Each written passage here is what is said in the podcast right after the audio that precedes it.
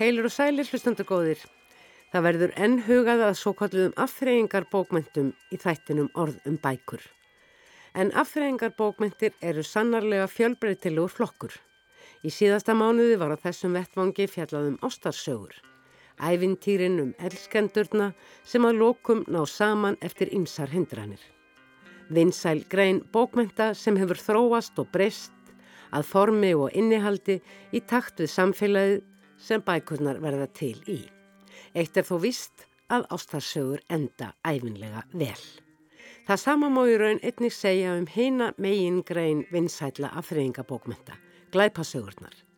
Líkt á ástarsögurnar byggja glæpasögur á ákveðnum minstrum. Jafnvel talaðum formúlubókmyndir. Formúlur döga þó skamt einar og sér þegar bókmyndir eru annars vegar. Sagan, fléttan og framvindan verður að vera spennandi og sannfærandi og persónusköpunin skiptir einnig miklu máli. Jafn mikilvægt er svo líka í glæpasögum ekki síður en í ástarsögum að breyta um leið upp á nýjungum, að minnstakosti tilbreyðum við þið kunnulega án þess að svifta lesendur öryggi sínum. Og kannski á það jafnvel enn frekar við um glæpasögur en ástarsögurnar að vera í takti við samfélagið og þróun þess en það glæpir yfirleitt ekki engamál. Ástinn kemur þó þar vissulega oft við sögu. Tvær nýlegar glæpasögur verða skoðaðir í þættinum og rætt við höfunda þeirra. Þetta er annarsvegar tiltölulega splunkun í skáltsaga eftir miðaldafræðingin Ármann Jakobsson sem ber titilinn Tíbrá og hins vegar skáltsagan Fjötrar eftir Solveigu Pálsdóttur sem kom út í fyrra og hlaut fyrir þessum mánuði hinn íslensku glæpasagnaverlun Blóðdrópan sem besta glæpasaga síðasta árs. Báðar eru þessar sögur, Tíbrá og Fjötrar, er nýjustu frá höfundum sínum, þar sem sama rannsóknarteimið og í nokkrum fyrri bókum þeirra fást við ný glæpamál.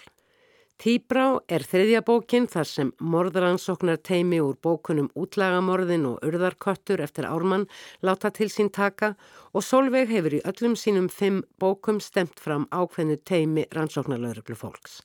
Serjur með sömu rannsóknar aðilum eru anvar algeng aðferði í glæpasögum sem uglust er eitt þáttur þess að skapa kunnulegt umhverfi í framvindunni sem getur jú í glæpasögum og köplum verið hrottaleg full af ilsku og óheilindum. Skoða nú þessar bækur og hvort við komumst eitthvað nær eðli glæpasögunar og hugar heimi höfunda hennar. Við byrjum í vinnustofu Kjærvals þar sem fóringi hins íslenska glæpafélags Eirikur Brynjólfsson afhendi þann 10. júni árið 2020 blóðdrópa ársins 2019. Góðan dag, velkomin í afhendingu Blóðdrópans 2020 sem er aðfendur fyrir bestu grafasögu ársins 2019. Dómnefndin gæti ekki verið viðstöð þannig ég les rauk dómnefndar en í henni voru Pál Kristinn Pálsson, Helga Birgisdóttir og Kristján Allir Ragnarsson. Dómnefnd Blóðdrópans las grafasögur sem byrði út árið 2019 en þær voru 20 talsins, fleiri nokkru sinni fyrir. Sögurnar aldrei eru fleiri og fjölbreytin í fyrirrúmi þetta árið. Niðurstaða domnend er að sú að fjötrar eftir Solvögu Pálsdóttur sé verðskuldaði sigurvegar þessu sinni. Í sögunni flétta Solvögu á frumlegan og örugan hátt saman sögum af, mann, af mannskvarfi mistnótkun og sjálfskaða í spennandi frámsögn sem lí, lítast að lindamálum fjölskylda. Ljóst er að lesandi er í örugum höndum höfundar sem hefur góð tök og öllum þáðum fléttunar hefur vandalli verks. Frás og sólveri í sæn spennandi, áhugaverð, kímin og sorgleg. Afræksturinn er bók sem lætir engan ósnortin. Sólveri lítir þess vegna blóðubann 2020 og fjötrar er þá tilnefnd til Klær Líkilsins sem er norrannu klæpöðlunin árið 2021. Útgjöndin er salka en við að höfundin að koma hérna. Ég þakka innilega fyrir mig og uh, segi það frá mínum dýstu hjartarótum að mér þykir mjög vænt um þessa viðkenningu. Mér langar til þess að þakka eh, að sjálfsögðu domnemdini fyrir þessu, þessi fallegu orð og, og, og, og uh, þetta rós sem að fjötrar fá. Það var ákálega gaman að skrifa þessa bók. Ég var búin að hugsa hana vel áður en ég byrjaði að skrifa og ég var búin að vinna heilmikla rannsóknar vinnu og hún var mjög áhugaverð. Og ég þakka líka þeim sérfræðingum sem að aðstöðu mig. Ég vil þakka Eiriki, formanni Glæpafélagsins, fóringja, fóringja að sjálfsögðu, fyrir sitt eh, óeigingjarnar starf árum saman sem að gera þessi verðlaun möguleg og líka það að Ísland á framlag til glerleikilsins, norrannu sagamála verðlaununa. Ég vil líka þakka útgefendunum mínum hjá Sölku, önnu Lefi Fridriksdóttur og Dögg Hjaltalín fyrir frábært samstarf sem er alltaf gefandi og alltaf skemmtilegt. Ég vil þakka fjölskyldunum minni fyrir að standa alltaf við baki á mér og gefa mér bæði næði og rými til að sinna því starfi sem ég elska. Svo ætla ég bara að halda áfram að skrifa bækur og ég stefni náttúrulega alltaf að því að skrifa góðar bækur og ætla að enda á því sem ég hef sagt áður áfram lestur, áfram bækur. Takk fyrir mig. Solveig Pálsdóttir er mentu leikona og bókmyndafræðingur og saminnaðis svo síðar þessi bæði fög í kennslu í einn 17 ár. En svo skyndilega skrifaði Solveig sína fyrstu glæpasögu. Leikarinn hétt hún og náði vinsældum. Glæpasögur hafði á þessum tíma verulega sótt sig í veðrið. Arnaldur Indriðarsson og Árnið Þóraransson hafðum ára beil notið mikill að vinsælda og Issa Siguradóttir fyllt þar fast á eftir. Einni hafiði Viktor Arnar Ingólfsson sendt frá sér fáina bækur og árið 2006 sendi svo Ragnar Jónasson frá sér sína fyrstu glæpasögu og þreymur árum síðar Lilja, Lilja Sigurðardóttir og þóttu bæði góð viðbót við íslenska glæpasagnaflóru. Íslenska lesendur þisti augljóslega í íslenskar glæpasögur og þótt þessir höfundar sem nær álega dældu glæpasögum út á markaðin væru kannski ekki giska margir, þá höfðu þeir hver og einn sinn stíl og glæpinnir, það er umfjöllunarefni bókarinnar að samaskapi fjölbreytilegt. Sögusvið íslenskara glæpasagna er líklega í flestum tilvikum Reykjavík en fjölmarkar, engum bækur Ragnars Jónassonar, gerast lík út á landi og fáinar í útlöndum. Það var svo árið 2007 að teilurðu sérstug íslensk glæpasagnaverlun, Blóðdrópin, og hafa þau verið aðfendt árlega síðan. Verlunabókin er svo framlag Íslands til Norrænu glæpasagnavellunana, Glerlikilsins eins og Eirikur Brynjólfsson fóringins Íslenska glæpafélags og Solveig Pálsdóttir handhafi blóðdrópans árið 2020 tíunduðu hér áðan. Nú er velunahafinn hingað komin, velkomin Solveig og hjartanlega til hamingu með blóðdrópan. Er, ertu búin að finna honum stað? Eh, hann er ennþá hjá útgjáðandanum vegna þess að ég var svo glöð þennan dag að, og upprifin mm. að ég stengglimt honum við eftir aðtöfnu. Ég fæ hann fljóðlega. en segðu mér fyrst, Solveig, þegar þú sest niður að skrifa leikaran, það lítur nú að hafa verið svona kannski kringum 2010 eða eitthvað, mm -hmm. 2012 kemur sagan út. Mm -hmm. Hvað kom til? Ég er nú einhvern veginn með þeim ósköpum fætt að ég þarf að skapa og uh, strax sem úlingur fekk ég útrás í gegnum leiklist var lengi hjá Helga skúla sinni allar helgar og, og eitt kvöld í viku minni mig mm. síðan uh, fekk ég yngöngu í leiklistskóla Íslands svo gafst ég nú upp á leiklistinni því ég var búin að eiga þrjú börn og búin að harki þessi tíu ár og uh, fór í mínu bókmyndafræði sem gaf mér mjög mikið mm og fór síðan að kenna og vinna alls konar störf sem að gáði mig mjög mikið. Mm. En ég fann það um þetta leiti þarna þegar ég stend á 50. Já, það er ekkert annað. Það er ekkert annað að e, það var eitthvað tóm. Ég, mér leiði vel í lífinu og, og, og, og hérna, leiði góðu lífi. Þetta var ekki af örvæntingu. Þetta var engin örvænting.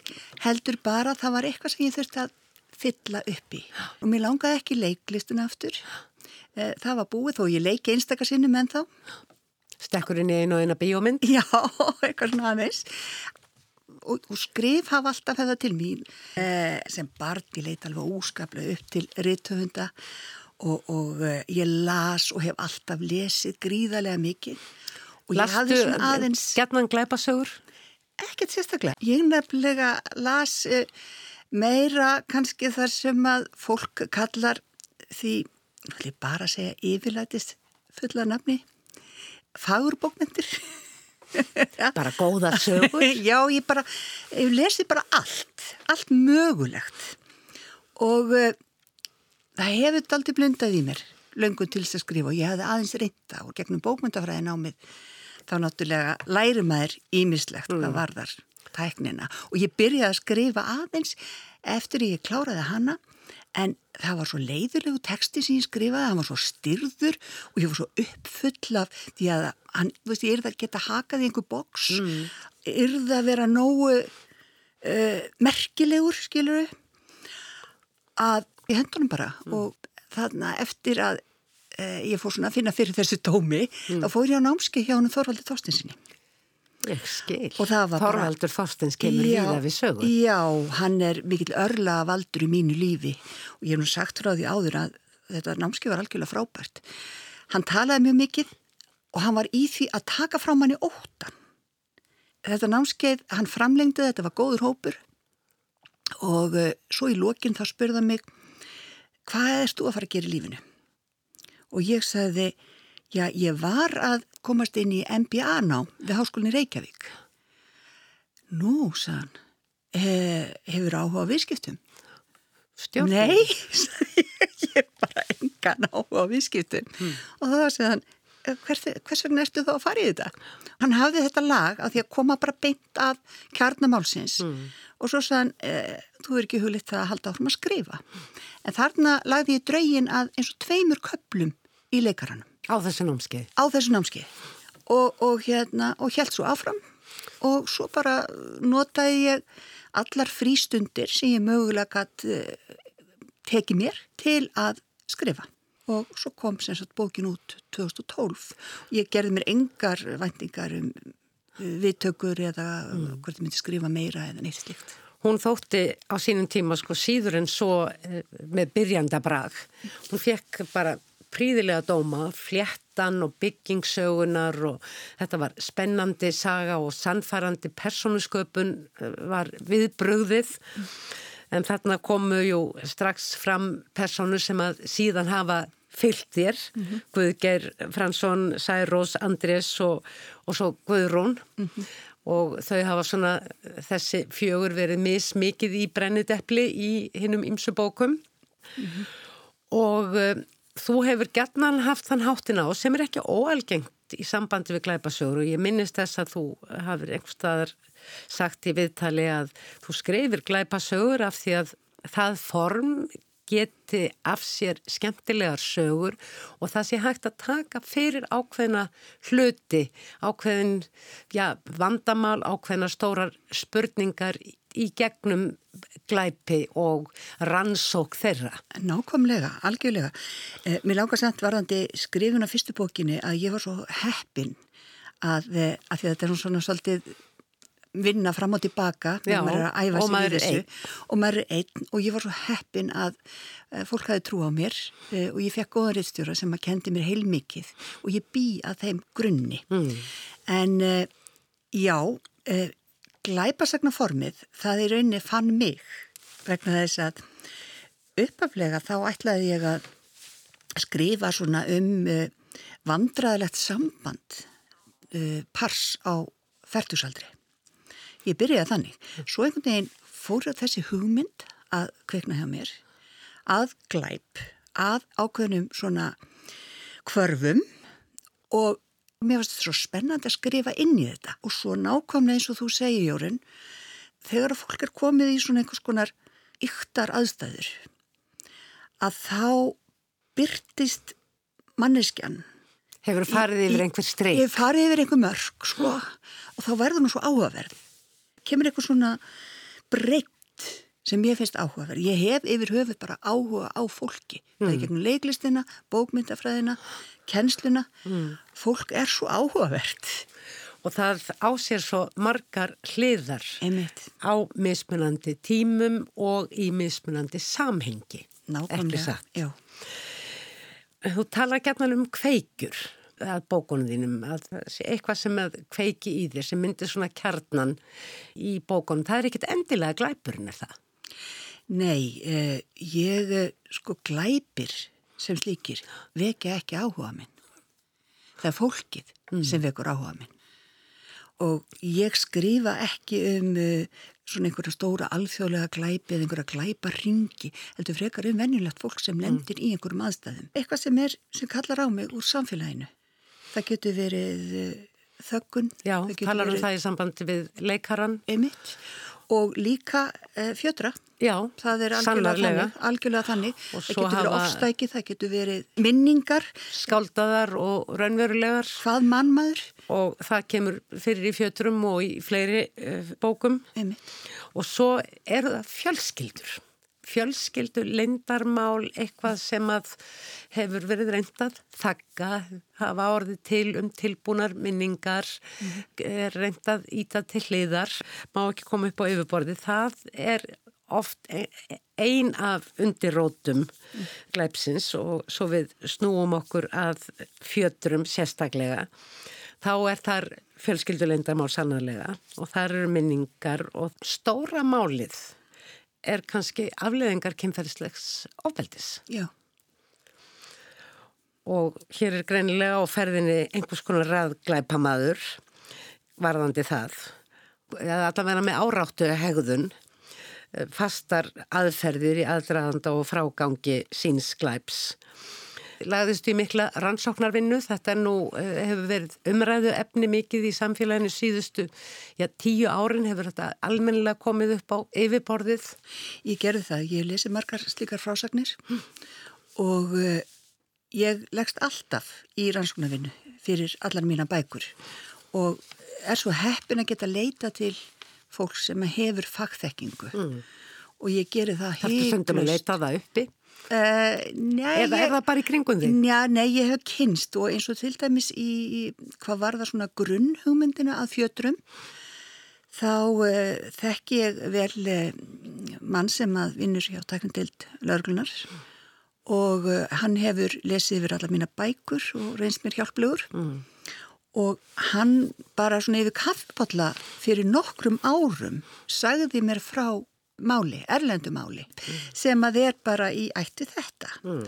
síðan var það nú þannig að, að bróðin Þetta eru mikla sviðsetningar Já, já, já, sko það er annað, ég blanda saman sko. okay. það er annað Það þú er leifið til þess að skálsa Já, já, en þetta, þetta sem er svona grunn svona Svona mannsfarfið og morðið já.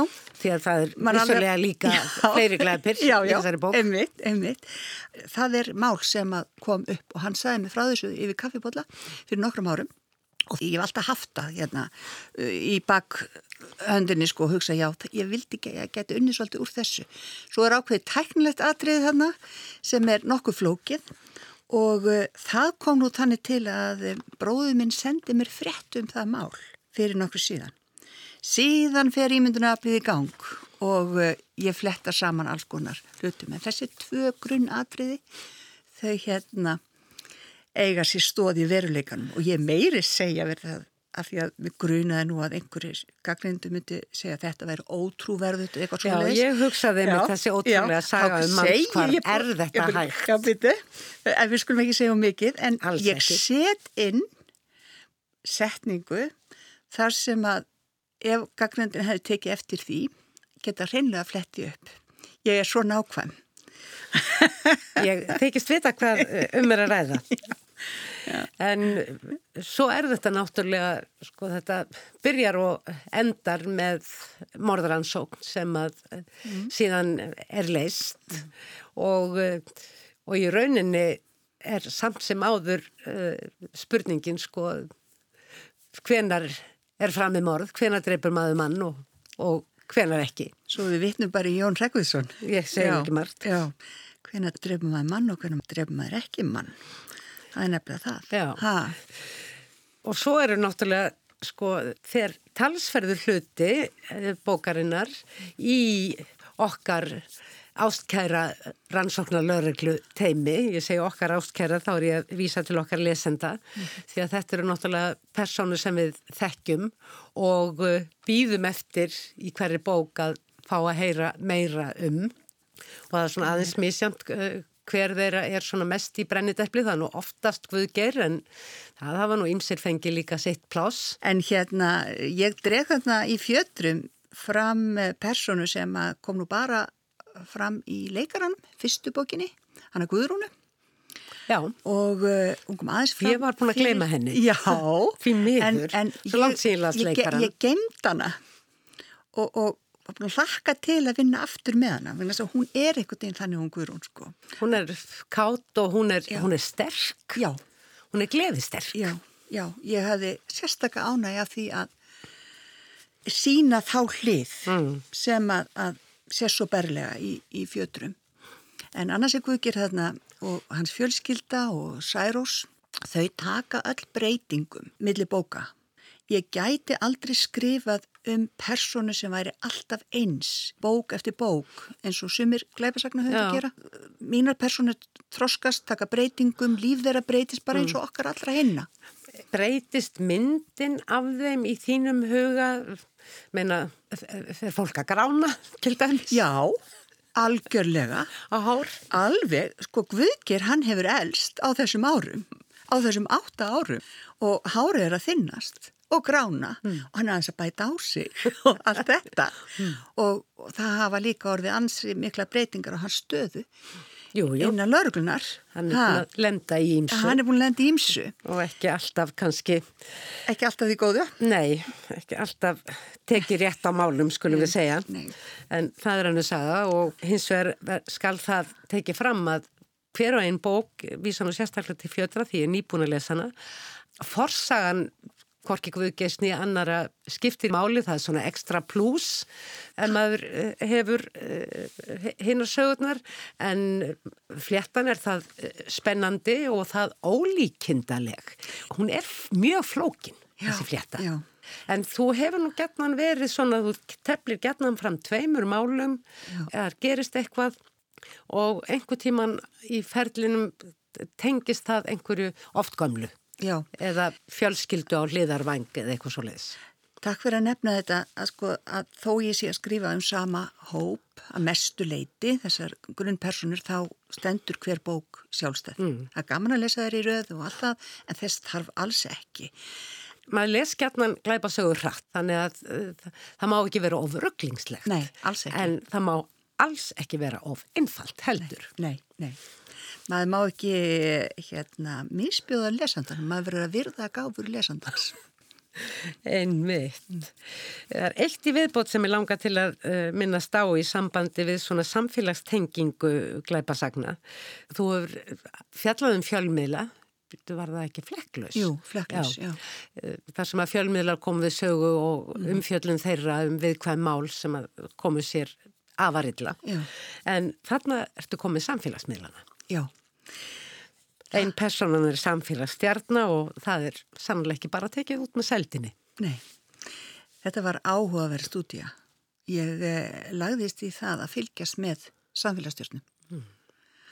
Var farin að elda alls konar fólk á Instagram og snappinu og mm. eitthvað svona og, og lesa mig líka til um þetta og lesa fræðigreinar Ertu að þessu samfara því að skrifa eða er þetta uh, rannsóknarvinna sem á sér stað áður? Ég veit ekki hvort kemur á undan sko en þegar ég er búin að taka einhverja ákvörðun eins og þessi persóna Andreu sem er samfélagsstjarnan, hún einhvern veginn kom í huga minn og nafni kom strax og persónu enginnin fór að mótast og þá fór ég að leggja Hún mig er eftir í nefnilega að alls ekki einhliða persóna sko, Nei. þó hún sé samfélagsstjarnar. Það er nefnilega málið. Ég hafði ákvæðlega uh, gott og gaman af því að fylgjast með og lesa mig til um þetta efni. Við, það er holdt fyrir okkur öll að, já, kannski tala ég bara fyrir sjálf um mig að, að gera sem mest af því að stíga út úr mínum heimi og fara inn í aðra heima. Það er svo mikið vægt fyrir rithöfund. Er það ekki líka kannski gullrótin í, í lífi rithöfundar Jú. að, að geta gert það með góðri samvisku? Já. Lífaði í öðrum heimi Já, já, og, og, og líka bara að kynna sér aðra heima og átta sig á að það eru margir fletir og uh, þetta eru náttúrulega forréttindi sem að bæði rithöfundur og leikarar hafa eins og þú veist að, að, að hérna, geta farið alveg inn í eitthvað annað og reynt að sjá veröldra, verölduna með þeim augum. Nú hefur þið getað eða valið og, og helgað þig skriftum um eitthvert skeið, verið ekki í annari fastri vinnu. Skrifar það á hverjum degi?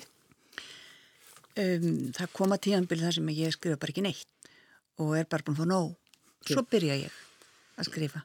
Og þá finn ég hvað þetta er ánetjandi það er bara þannig. Þetta er svo gaman. þetta er svo gaman. Það er bara nákvæmlega þannig. Þetta er svo skemmtilegt og, og þá gleymi ég mér alveg og ég hverf inn í hennan heim og, og skil ekki hvernig þau kvarlaði mér að hætta þessu. Það er bara þannig. En ég hef nú þennan tíma sem ég hætti að kenna tekið að mér önnu verkefni líka. Því að maður lifir seint af þessu. Og ég hefði seint getað þetta meðan að börnum voru ung. Þars umhverfi rithönda er erfitt en uh, þetta hefur gengið og Og gengur enn. og gengur enn. Sem betur fer. Og mér finnst þetta bara dásamlegt. Mér finnst þetta dásamlegt að fá tækifæri til að vera eh, já, ég segi bara blómstra núna. Já, og þessum aldri líka. Allt er 60 fært sko. Þú hérna myndist á það upp af að þú hefur lesið það sem kalla mætti yfirlætis fullt fagurbókmentir en ekki kannski svo mikið að glæpa sögum hér áður fyrr. Hvarlar að þér að skrifa annað eða finnst þér þetta bara einfallega svo skemmtilegt eins og þú saðir?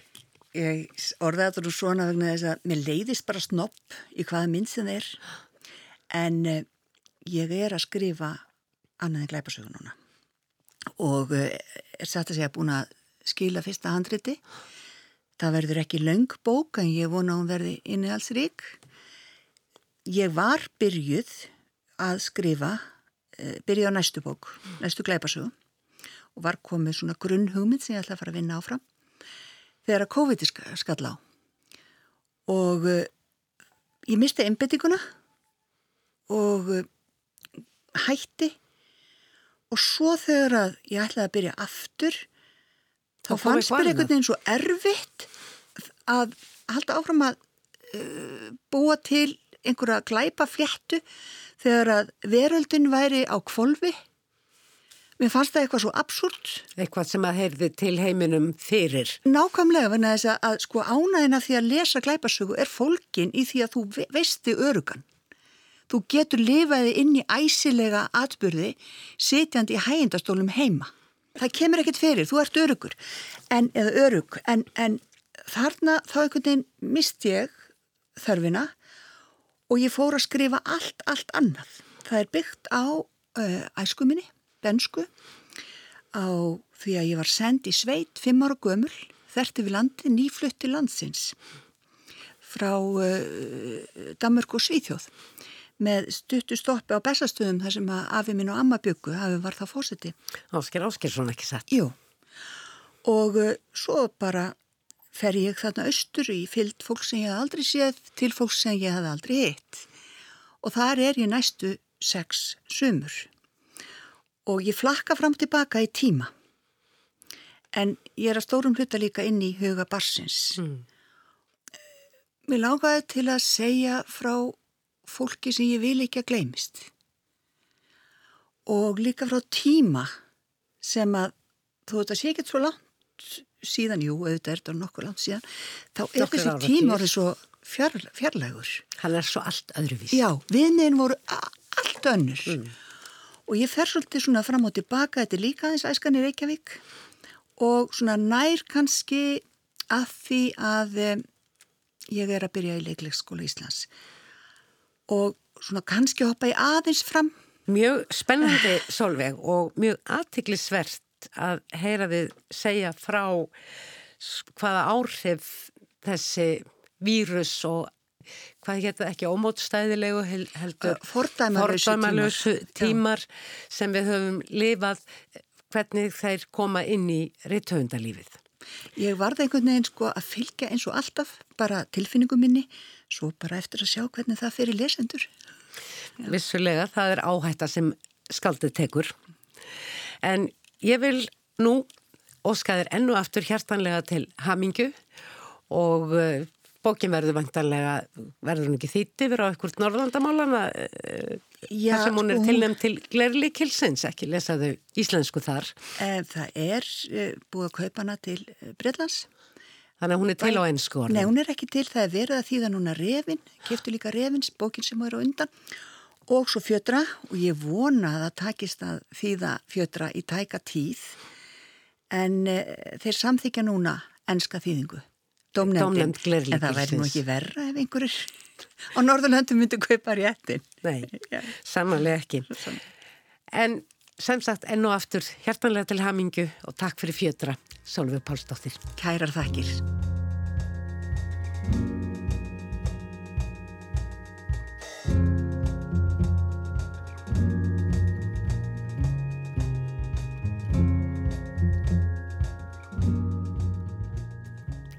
Ármann Jakobsson, professor í íslensku miðaldabókmentum við Háskóla Íslands og afkastamikill fræðimaður á því sviði, hefur nú í rúman áratug jafnliða fræðistörfunum sendt frá sér einar átta skáldsögur. Svo fyrsta vonarstræti kom út árið 2008 og var í raun heimildaskáltsaga um forfeður Ármanns sjálfs, hinn glæsilegu en líka umdeildu hjón skúla Tórótsen og Theodóru Tórótsen og var þó skúli liklega snögtum umdeildari. Sama ár kom einnig út bókin Frettir frá mínu landi, Ósbakmæli og Örsögur eftir Ármann.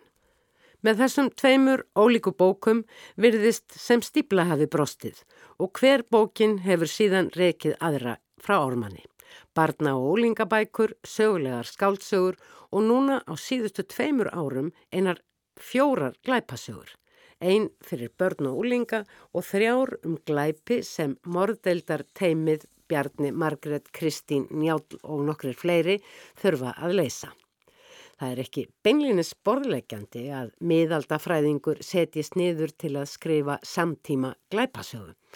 Ármann Jakobsson Hvað rak þig út á þessa braut? Já, mér langaði nú alltaf að skrifa skáldsögur sem gerist í nútímanu.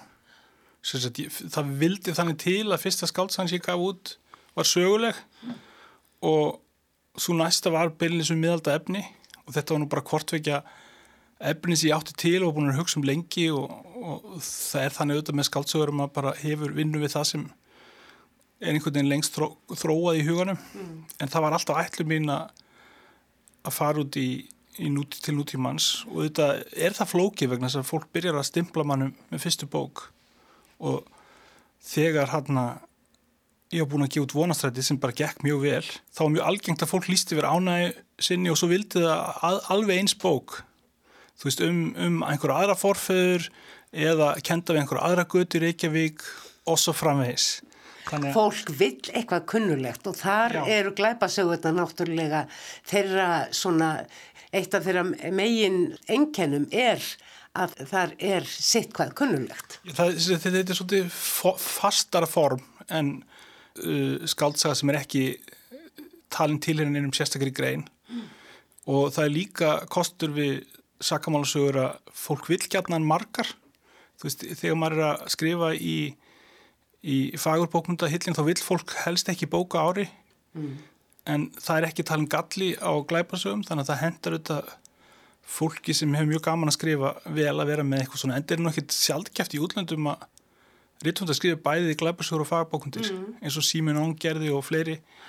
Og, og hvað mjög var þar þá langar mig samt til að hafa þetta breyta endutekningu þannig að þetta er seria og var alltaf hugsað þannig eða reyndar byrjaði á glæparsug fyrir mörgum árum og hún átti ekki verið serja og, og vandamál kannski við hana var að það var svo margt sem ég þurfti að kynna að bókið var hann hundra síður og hún var að drukna í staðrindum og kynningum og, og svo tók ég mér að minna allt um laurgluminina sem þar voru sem eru þau sömu og er í þessum bókum mm.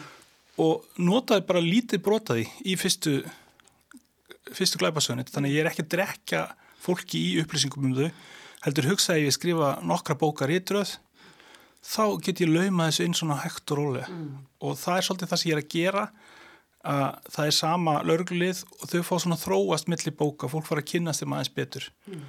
og svo sá ég nú fljóta því að byrja að skrifa það er það að vera áherslan á því að kynast einhverjum einum í hópnum betur í hverju bók frekar en öllum. Þannig að það er mikið að hemmja sig. En svo er þetta hitt og það er sjálfu glæpurinn og þeir eru ólíkir frá bók til bókar og reyndar mjög ólíkir hjá mér. Mm. þess að fyrsta uh, bókin útlaðamorðin, hún fjallar um svona kynferðsglæp og það er ekkert sérsta tvist. Þeir veit ekki hvað máningin er. Hann. en þurfa að finna hann. En það gerist ekki með einhverju skyndilu efreika augnarbyggi það er bara svona smá saman þrengist hringurinn. Og við fáum ekki að kynnast morðingjana mjög vel í þeirri bók og það var viljandi gert. En uh, svo tók ég alltaf að línu næst í urðarköttur já, það, þá, þar er sjónarhorn hjá morðingjanum á tíumbili og við fáum aðeins meiri einsýn í hugarheim uh, þeirra sem með glæpin og maður verðum alltaf að passa sig að koma ekki upp um neitt þegar maður tala um svona bækur. Þar var þetta var líka ég er svolítið að vinna með vinnustafasöguna það er sögursvæði í fyrstu bókin er Þorp og þetta er mjög mikil Þorpsaga. Og Þorpi skiptir ekkert minna máli í sögunni en glæpurinn. Og í setni þá er þetta vinnustadur og þú snýst þetta svolítið um bara þetta stígveldi sem fælst í foreldrum og börnum.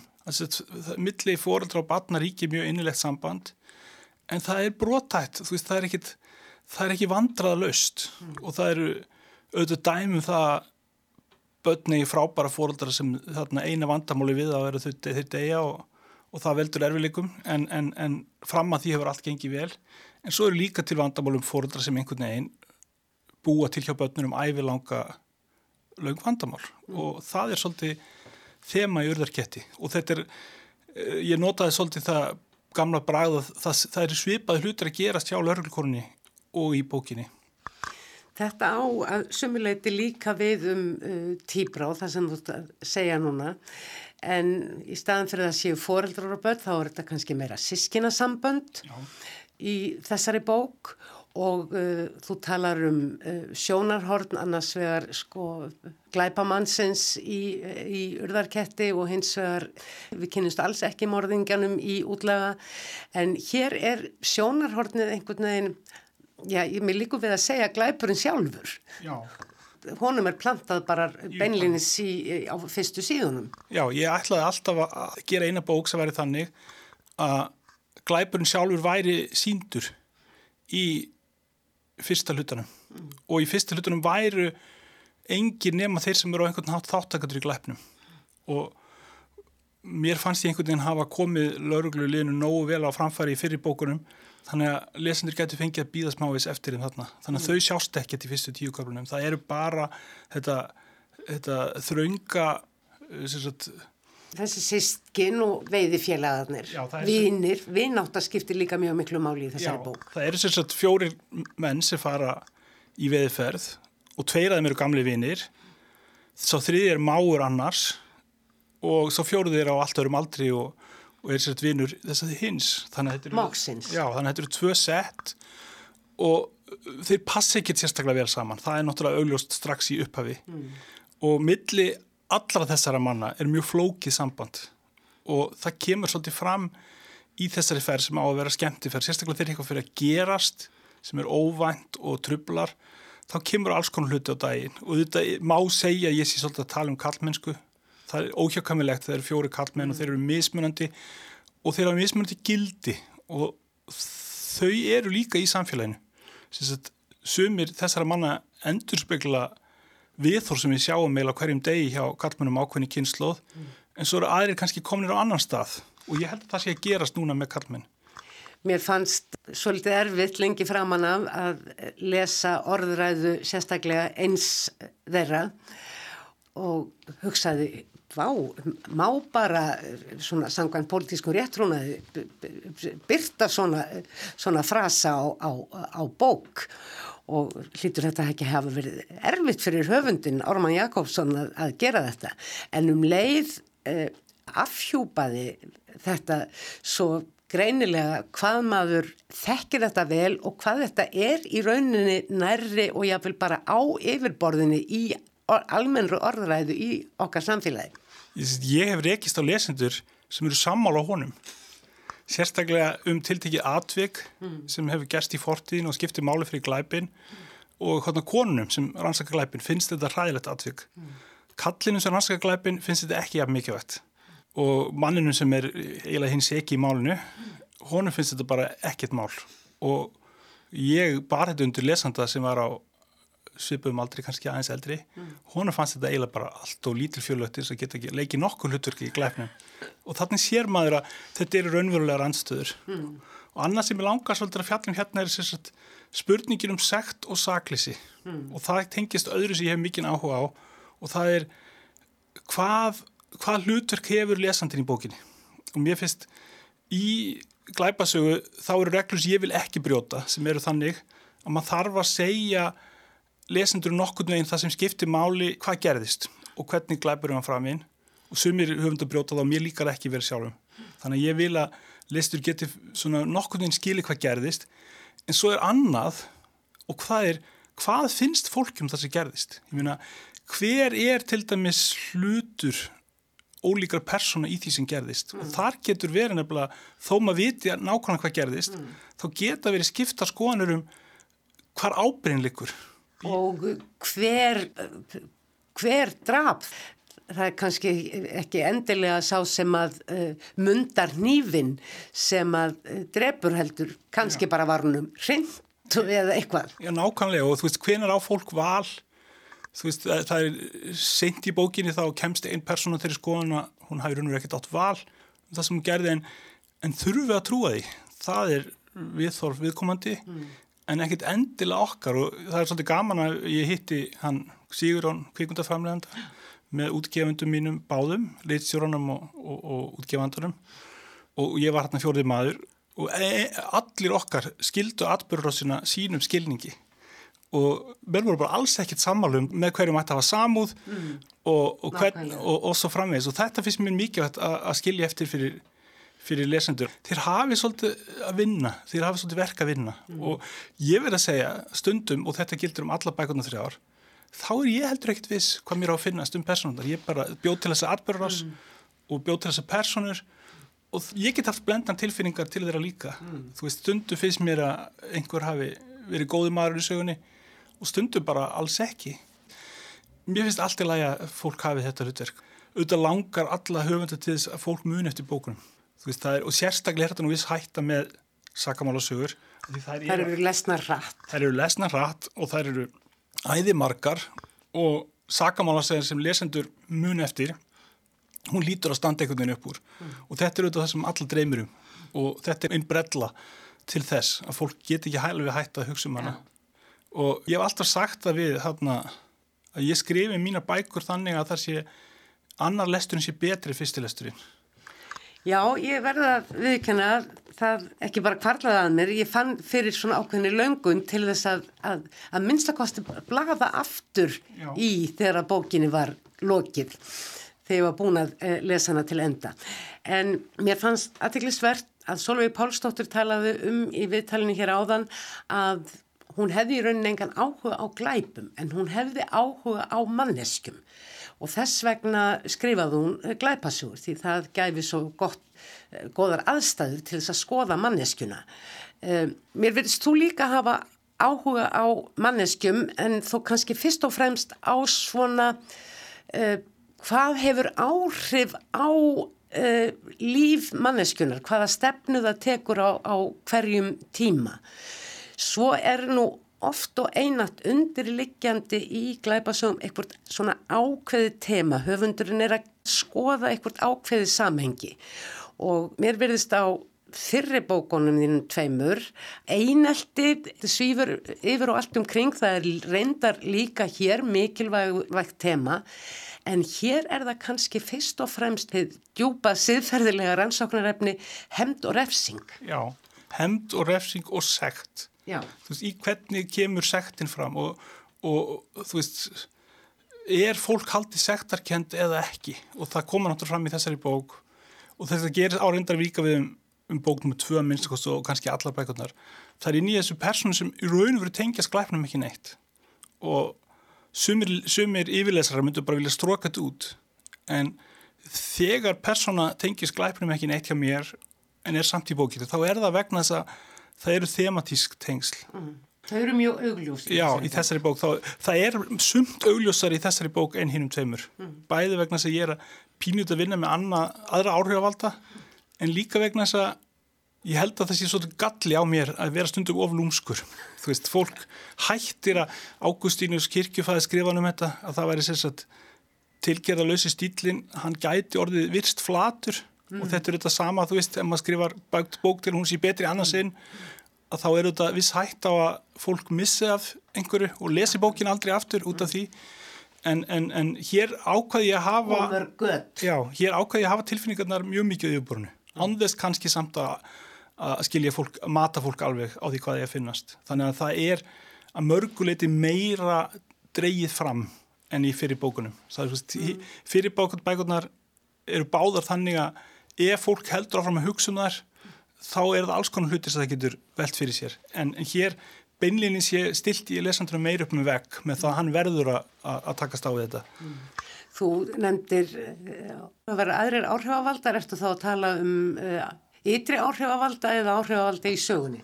Já, ég er ekki að tala um hann að fólki á TikTok sem er búið að taka svolítið yfir þetta orð en að ég hef sjálfur lesið spennubækur frá bensku og það eru sumar sem lifa með mér og mér langar auðvitað til þess að búa við tilbreyði við stef mm. og það er fransku maður sem heitir Japrisó sem er sveifsóldið í vötnunum það sem hann gerir er að hann sýnir hann sýnir hvað að gerast en það er allt háð tólkun þú veist, þú ert með sjónarhorn og sjónarhorn stýrir því þannig að það er kannski persóna sem upplifir sem sé valdalösa mm. en í raun og veru er hún ekki og svo framvegs mm. þannig að þegar við fáum að sjá atbyrjum frá annar hlið þá kemur ljós að þetta var allt annað sem var að gerast en fólk taldi. Og, og hann gerir þetta mistarlega í nokkrum sögum. Og mér langar svo til að gera eitthvað svipað. Já, þessi uh, atbyrðarás uh, nokkrar uh, atbyrðarási sem að spekla hver aðra það er snúa sannarlega upp á sig eins og spýrallu og endanum er, verður eitthvað allt annað upp á tenningunum svo við grípum til allt annarar myndar? Já, það sem ég hafði líka mikla ágjör að því var bara hversu fólk trúir á listanum blekkingu sögunar mm. og þetta er auðvitað alltaf flóki með glæpasugur mm. oft eru glæpamenn í sögunum sniðuri en þeir eru í alvörunni. Þú veist, í alvörunni oftast eru þeir hefnir eins og sjálfsagt hver sem draf Palme mm. Var heppin að sleppa en ekki sniður þú veist, hvort það var Skandija maðurinn eða einhver annar mm. og oft hugsa ég þetta sé þannig í raun það er ekki sniði í morðingin sem sleppur heldur bara morðingin sem er fáránlega heppin mm. en í sögunum mátt aldrei vera þannig. Það er ekki jafn áhugavert nema að það sé feikilega velgjert. Mm. Það þarf að vera einhvers konar kænska í morðingjanum. Og það þarf líka að komast að einhvers konar niðurstöðu. Lesandin kallar svolítið eftir að sá þeim hinnum seka verði með einhverjum hætti refsað eða það sé allavega svona mjög líklegt. Já, ég, ég upplýsi aldrei borðið á senustu síðu. Ég vil að lesendur fá smá tíma til að drekka inn í sig hvað gerðist fyrirmyndina því er náttúrulega Stíg Larsson sem skrifaði mm. sína bestu bók og fyrstu bók, þar er í raun og veru morðið afhjúpað á hundra blassjum áður en bókinu líkur yeah. og samt er hún frábár og allir til enda mm. þannig að þetta er alveg hægt og svo er þetta spurningin verður hægt að refsa morðinginum og ég skil það eftir pílundið opið í öllum bókum. Mm. það er svona, eða eru við með rétta morðingin, jáfnvel, það er sérsagt í fyrstu bókin er það er pínutil evi eftir með það. Mm. og, og það held ég sé allt í lagi. Og það er líka raunveruleikin þó að það sé hægt að reikna hvað gerðist þá þýðir það ekki að setja sanna og dæma mm. Þess vegna er þetta byl á milli dómstóla annars vegar og rannsóknar máls hins vegar bara í okkar samfélagsgerð. Jú og hér, hér náttúrulega kemur líka öðru vandamáli fyrir glæpahöfund sem ekki var upp fyrir hendi á dögum Akadu Kristi mm. og það er að lesendur trú ekkit endil á réttarkerfi lengur. Það, þau á gull, gullöld glæpasakrana trúðu menn á réttarkerfið. Að réttarkerfið væri sjálf og sér gott, lauruglan væri góð, glæpamenninni vondir og þetta var, þetta var leist. Núna búum við á tíma þar sem þetta er ekki þannig og ég pílniti fyrr kannski sömu aðfyrir og sjöval og valu að þú veist, fólk verður að hafa einhverja samúð með mínum löggum mm. anðess kannski að ég þurfa að predika allt sé fullkomi hjá lauruglunni. Ég meina þannig sjást fáir á í nútímanu sem telja svo sé allavega um allan heim að öll laurugla sé fullkomin. Þannig að þú veist, það er veruleiki sem við þurfum að takast á í líka.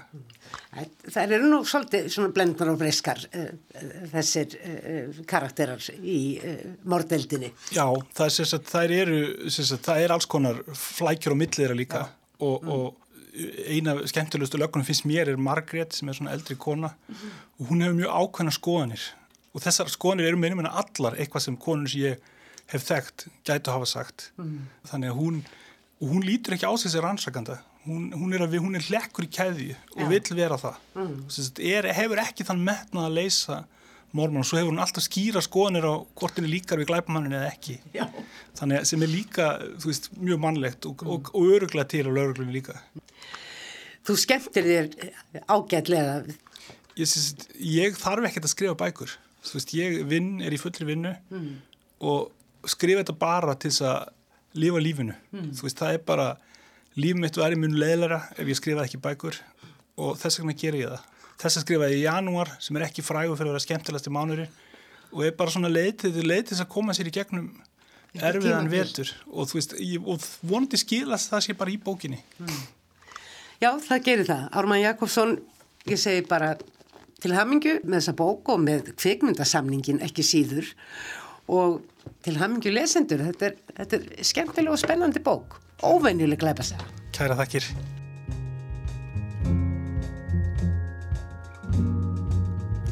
Fleiri verða orðum bækur ekki að þessu sinni. Teknimaður var Úlfildur Eistensdóttir. Takk fyrir að hlusta. Verði sæl.